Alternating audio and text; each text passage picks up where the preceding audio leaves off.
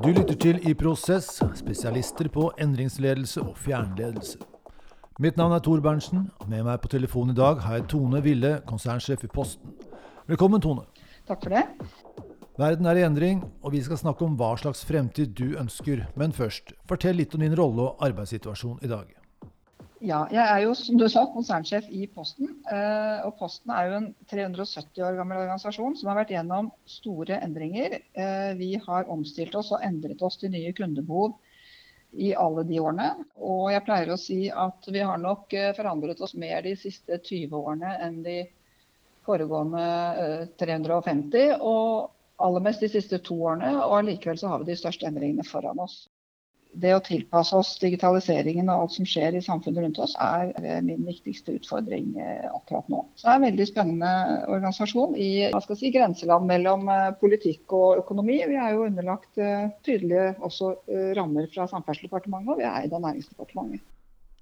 Selv om Posten har gjennomgått store og omfattende endringer over flere år, så har dere fortsatt et godt omdømme. Kan du si litt om arbeidet som ligger bak? De største endringene har jo vært eh, de siste 20 årene etter at brevvolumene begynte å falle som følge av digitaliseringen. Og da har vi jo trent oss på omstilling og endring. Og, jeg tror jo at suksessfaktoren der er godt samspill mellom ledere og uh, de ansattes organisasjoner og medarbeidere. Og vi har trent oss på å gjøre gode omstillinger. Så vi er en organisasjon som er vant til endring, men, men eh, vi må jo utvikle oss og utvikle nye løsninger. Og, og vi kan ikke bare nedbemanne. Men jeg vil si vi er vant til endring, men uh, virkeligheten endrer seg jo også, så det blir jo nye typer endringer fremover. Vi lever i en spesiell tid. Vi har digitalisering, automatisering, kunstig intelligens, globalisering. Og nå er en pandemi som påvirker store deler av samfunnet. Kan du si litt om hvordan dette preger Posten og ditt lederskap? Så å begynne med digitaliseringen, da, så, så, har jo det vært både en trussel og en mulighet egentlig, for Posten-konsernet. Eh, det er jo digitaliseringen som har gjort at vi har eh, mistet over 70% av volumet i det som var vår tradisjonelle kjernevirksomhet, altså postvirksomheten. Men samtidig så har det jo gitt nye muligheter da, for, for både for effektivisering og produktivitetsforbedringer, og også for tjenesteutvikling. Og vi har jo i disse 20 årene også bygget opp en logistikkvirksomhet som nå står for over 70% av omsetningen vår. Hvor netthandel er en, eh, en, viktig del av, av, det tjenestetilbudet vi har der. Eh, det har vi jo nå under koronapandemien sett at virkelig har skutt i været. Men det var jo i sterk vekst også før det. Og der gir jo digitalisering og ny teknologi mange muligheter for å videreutvikle vårt tjenestetilbud. Så det er jo også mange muligheter i digitaliseringen. Vi har ca. 14 000 ansatte, og rundt 4000 av de har vært på hjemmekontor. Men de øvrige ca. 10 000 jobber jo ute i drift og har jo vært på jobb hver dag for å frakte brev og pakker og gods rundt i Norge. Så HMS har vært høyt på agendaen. Og smittevern, organisasjonen har vært kreativ og flink til å finne løsninger på uforutsette problemer. og Det handler også om, om god ledelse der ute, tenker jeg. Gode lokale ledere. og da tenker jeg at den kulturen vi har i Norge og Skandinavia, kanskje, da, hvor folk er vant til å tenke selv og finne gode løsninger, er veldig viktig. Og det har vi kanskje lært litt av, enda litt mer av i denne tiden, hvor viktig det er. Posten er jo en stor organisasjon, og da kan det ta lang tid å gjennomføre beslutninger. Jeg, jeg regner med at det ble behov for raske beslutninger når vi stengte Norge. Kan du si litt om hvordan de beslutningsprosessene fungerte? Eh, ja, det er et godt spørsmål som, som, vi også har reflektert en del rundt i denne situasjonen da, i, ledelsen nå hos oss. Uh, ja, jeg syns vi har fått gjort en del ting mye raskere enn før. Vi har bestemt oss for at dette måtte vi bare få til. Vi har f.eks. lansert sammen med Coop en, en, land, en, løsning for landsdekkende hjemlevering av matvarer, hvor både Coop og vi veldig raskt fikk den løsningen opp å stå. Eh, vi har lenge snakket om at vi må forbedre hjemmesidene våre på noen områder. Så det skal bli enklere for folk å, sende og, og, motta ting fra hjemmet. Eh, det bestemte vi oss bare for å gjøre og fikk gjort i løpet av noen dager. Det hadde typisk tatt mye lengre tid med all mulig forankring tidligere. Eh, og vi har sett andre eksempler også på tjenesteutvikling hvor vi har klart å prioritere og samle kreftene og gjøre ting raskere enn vi, enn vi har gjort før. Så Det er jo en læring vi må ta med oss fremover. Um, for det er jo litt treghet i store systemer, det, det må jo bare innrømme. Kan du gi et eksempel på hva dere gjorde for å øke beslutningshastigheten? Ja, altså Det vi gjorde nå da, under Coop-tiden, det var egentlig at vi satte ned en liten gruppe som så på hva mer kan Posten gjøre i denne tiden. Og da satte vi ned en tverrfaglig gruppe som besto av, av, folk fra vårt digitale innovasjonsmiljø, av eh, folk fra tjenesteutviklingsmiljøene i alle divisjonene. Eh, hadde med verdikjedekompetanse. Og så satte de seg ned eh, og jobbet med, både med å si, brainstorme, men også gjorde en enkel kundeundersøkelse. Som resulterte i noen initiativ som vi da jobbet med. Og når vi klarer å få disse tverrfaglige teamene til å jobbe godt sammen, og har den rette kompetansen inn der, så, så, har vi jo en utrolig gjennomføringskraft i en stor organisasjon også. Så jeg tror det å liksom, ha respekt for at man har litt ulike syn og, og kanskje også litt ulike interesser internt, men, men klare å få alle til å trekke i samme retning til konsernets beste og jobbe sammen, det tror jeg er mye av nøkkelen til å få opp farten for vår del. da. Kriser og krevende situasjoner kan få oss til å stoppe opp og tenke store tanker. Du nevnte at de største utfordringene til Posten ligger foran dere. Kan du si litt om hva slags fremtid du ser for deg for Posten og Norge om ja, fem til ti år? Om ti år så er vi i 2030. Da har Norge sagt at vi skal eh, nå et klimamål eh, som går på å redusere utslippene våre med 50-55% sammenlignet med 1990. Det håper jeg virkelig at Norge har klart når vi kommer dit.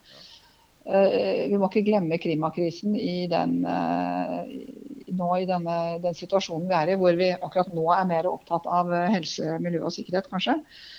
Men klimautfordringene er jo der eh, fortsatt. Så jeg håper at Norge da vil ha nådd sine klimamål og klart skape skape nye arbeidsplasser som, som kompenserer for det som over tid da, vil falle bort i oljesektoren. Og, og Derfor har jeg også engasjert meg i et, et, eh, næringslivsdrevet klimainitiativ som heter Skift, hvor vi har som formål å være pådriver for at Norge skal nå sine klimamål. Og det er viktig, og det er gjort fordi det er viktig for Posten hvis jeg går over til Posten, at vi også engasjerer oss i det. Transportsektoren er, står for, for uh, store deler av utslippene både globalt og i Norge. Og vi som transportaktør må bidra til uh, med utslippsreduksjoner for at Norge og verden skal nå sine klimamål. Og Da må vi alle gjøre så godt vi kan. Så jeg håper og tror at vi da har nådd vårt mål som vi har satt oss allerede i 2025 om å bare bruke fornybare energikilder i kjøretøy og bygg. Vi er en nordisk logistikkaktør i dag. Jeg håper at vi er en ledende nordisk logistikkaktør når vi kommer til 2030. Eh, at vi har den beste kundeopplevelsen og at vi har en bærekraftig forretningsmodell som både våre kunder er opptatt av, og som gjør oss til en attraktiv arbeidsplass. Eh, og Det handler jo ikke bare om klima, men klima er en del av det. Også tror jeg at det å bruke teknologi og drive innovasjon er jo helt nødvendig for å komme dit. Tror du kundene vil oppleve Posten som veldig annerledes om fem til ti år? Jeg håper at vi vil bli oppfattet som enda mer kundeorientert enn vi er i dag. Vi oppleves nok av mange som kundeorientert. Eh, men når vi snakker om kunder, så er det jo både de store avsenderne og så er det jo mottakerne som er både det norske folk og for så vidt også privatpersoner i, eh, i, eh, i Norden for øvrig jeg håper at de vil oppfatte oss som enda mer kundeorientert. Vi jobber jo for å nå utvikle vårt tjenestespekter, sånn at vi skal tilby mye større grad av valgfrihet og fleksibilitet eh, for, eh, for det folk bestiller på nettet eller på annen måte ønsker å få levert. Vi jobber for å bli mer lettbente, hvis jeg kan si det sånn. Du var inne på det med treghet i store organisasjoner. Jeg håper at vi da har kommet dit at vi kan snu oss rundt enda raskere. At vi har en teknologisk plattform som gjør at vi får ting fortere ut i markedet. Men det med kundeopplevelse tror jeg er viktig. At vi oppleves å ha den beste kundeopplevelsen. Noen syns vi har det i dag, noen syns ikke vi har det i dag. Jeg håper vi kommer dit at de fleste syns det.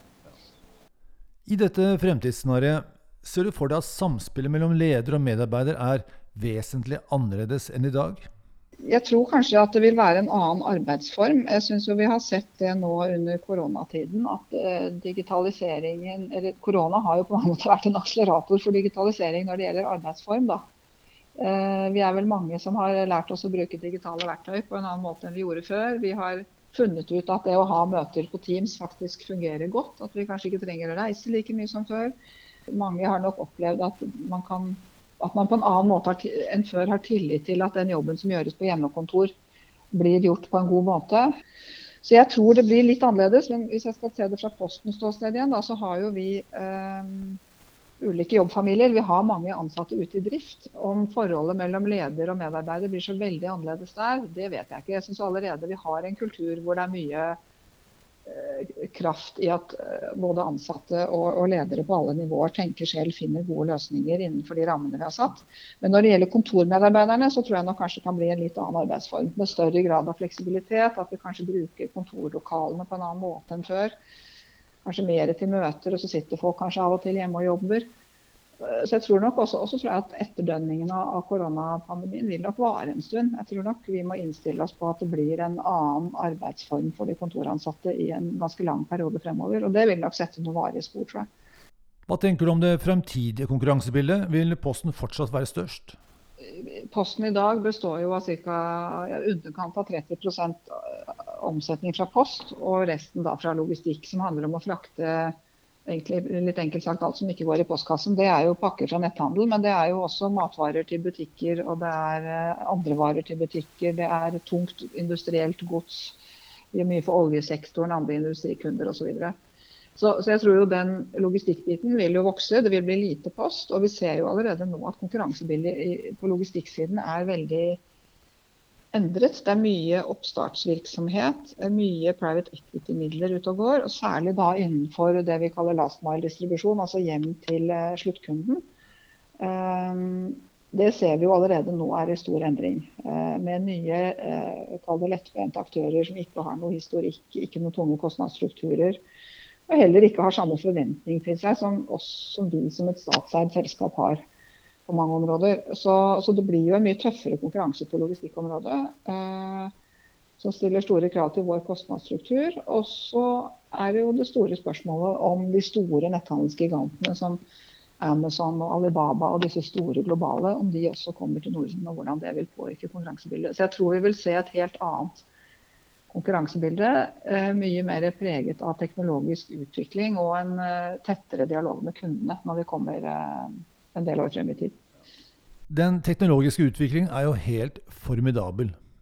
I hvilken grad mener du Posten evner å ta i bruk ny teknologi? Jeg vil si at Vi har beveget oss mye de siste årene. Vi har, ganske, vi har lenge vært gode på å bruke teknologi til driftseffektivisering. Eh, det har tvunget seg frem tror jeg, på postsiden. Da. Eh, vi er jo et av de landene i verden som har høyest volumfall. Samtidig så har vi en veldig spredt befolkning og lav befolkningstetthet. Eh, så det har tvunget seg frem på mange måter, og det har vi vært flinke til. Vi har ikke vært like flinke historisk til å bruke ny teknologi på eh, kundedialogen og tjenesteutviklingen. Der har vi gjort veldig mye de siste par-tre årene. Så, så, nå tror jeg vi Jeg opplever at vi er fremtidsrettet. Vi er inne i en strategiprosess nå hvor vi er i ferd med å sette oss noen ambisiøse mål for hva vi skal klare å få til med teknologiutvikling. Og vi ble jo faktisk av et fagmiljø kåret til Norges mest innovative virksomhet i fjor. Eh, det betyr ikke at vi skal hvile på vår laurbær, men jeg tolker det som et, skritt, eh, nei, som, et, som et, uttrykk for at noen ser at vi, vi, er på vei i riktig retning. Da. Så vi er på vei, men vi er ikke i mål. Ser du noen trusler eller utfordringer dere må takle for å beholde posisjonen dere har i dag? Altså, vi må jo henge med i timen. og da, da er jo litt tilbake til det du sa innledningsvis, om ikke det er litt treghet i store systemer. Det, det, det er jo det. og det er klart vi vi har beveget oss veldig langt fra vi var en forvaltnings, eller en etat da, via liksom et, eh, de ulike selskapsstrukturene vi har hatt, til der vi er i dag. Men det henger jo igjen litt treghet i systemet. Litt sånn behov for forankring på tvers og, og litt tunge prosesser som vi jobber mye med å endre for å få opp tempoet. Så jeg tror eh, en trussel er at vi ikke skal klare å henge med i timen. Eh, det blir viktig at vi da klarer å prioritere hva vi skal satse på. og At vi vi, vi, klarer å jobbe godt på tvers uh, av en stor, en stor organisasjon. Uh, så tempo og det å henge med i timen, uh, det tror jeg er nøkkelen til det, faktisk. Hva mener du er Posten sin styrke i konkurranse med internasjonale aktører? Tillit er veldig viktig. Det er viktig både i forhold til kundene, og viktig at vi da selvfølgelig klarer å vise oss den tilliten verdig å opprettholde den tilliten. og det er jo viktig i i samspillet internt mellom eh, ledere og tillitsvalgte og de ansatte. Eh, og vi opplever jo at det er høy tillit til Posten-merkevaren i de undersøkelsene som gjøres rundt det, og det er jo viktig for oss å opprettholde den. Det å ha en bærekraftig forretningsmodell da, eh, som, som, som, ikke bare handler om klima. Vi har jo valgt oss ut noen av FNs bærekraftsmål som er viktige, og et av de er det som er mål nummer åtte, som heter anstendig arbeidsliv og økonomisk vekst. Jeg tror det å fortsette å, å være en anstendig arbeidsgiver, eh, føle et ansvar for det i hele vår verdikjede, tror jeg er en viktig del av det som eh, av det å, å hva skal man si, eh, bygge opp under den tilliten og opprettholde den tilliten. Da. Så det er klart det er en, en nøkkelfaktor for å lykkes. Du har jo en krevende rolle. Hva gjør du for å sikre at du fortsetter å vokse og utvikle deg selv som leder? Jeg er veldig opptatt av å følge med i nyhetsbildet. Jeg tror det er viktig som leder å Eh, ha man si, litt sånn utenfra og inn-perspektiv. Prøve å være litt sånn vinduet mot verden. Um, leser mye nyheter, følger med i nyhetsbildet. Leser relevant litteratur og, og, hva skal man si, undersøkelser osv. Om, om logistikkmarkedet, vår utvikling. Leser ikke store mengder faglitteratur, det må jeg innrømme, det gjør jeg ikke. Men, uh, men jeg følger godt med på det som skjer rundt meg. Og så tror jeg det er viktig som leder i dag å uh, hva skal man si, ha et åpent sinn, være, være lyttende. Uh, være ydmyk til at det er ikke lenger sånn at det er lederen som alltid vet best. Uh, kompetansen sitter jo nå ofte lenger ut i organisasjonen. I, I, gamle dager var det vel sånn at den flinkeste ingeniøren ble overingeniør og leder og, og hadde liksom stor respekt for alle på fabrikkgulvet. Det er ikke sånn lenger. Nå nå er det mye kompetanse der ute, og den er det utrolig viktig å lytte til. Eh, det tenker jeg også er en del av min utvikling, å forstå hvordan neste generasjon tenker.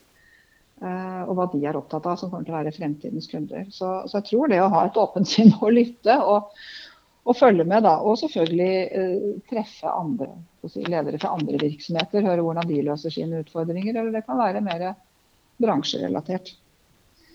Så, så følge med, være åpen og lytte, tror jeg er, er nøkkelord. Vikingene mente at et godt ettermæle var det viktigste av alt. Man skulle utføre minneverdige bedrifter i løpet av karrieren. Hvilke minneverdige bedrifter eller ettermæle vil du skal fylle ditt lederskap? Noen tanker om det? Jeg vil jo gjerne bli husket, da. Det vil vel alle gjerne. Og jeg vil gjerne bli husket som uh, en som folk syns det er ålreit å jobbe sammen med. En som har klart å få med seg folk. Håper at jeg vil bli oppfattet som et ordentlig og helt menneske. Også når det gjelder Posten, så vil jeg gjerne bli husket for at jeg har lagt grunnlaget for et langsiktig, relevant og bærekraftig Posten gjennom å sette digitalisering, teknologi, innovasjon og bærekraft ordentlig på agendaen. Da sier jeg tusen takk for samtalen. Takk skal du ha. I Prosess har spesialisert seg på fjernledelse og lederkommunikasjon. Vi tilbyr online lederprogram og korte online minikurs som bevisstgjør ledere i de viktigste prinsippene for fjernledelse og kommunikasjon i videomøte. Målet er superledelse å hjelpe medarbeiderne til å lede seg selv.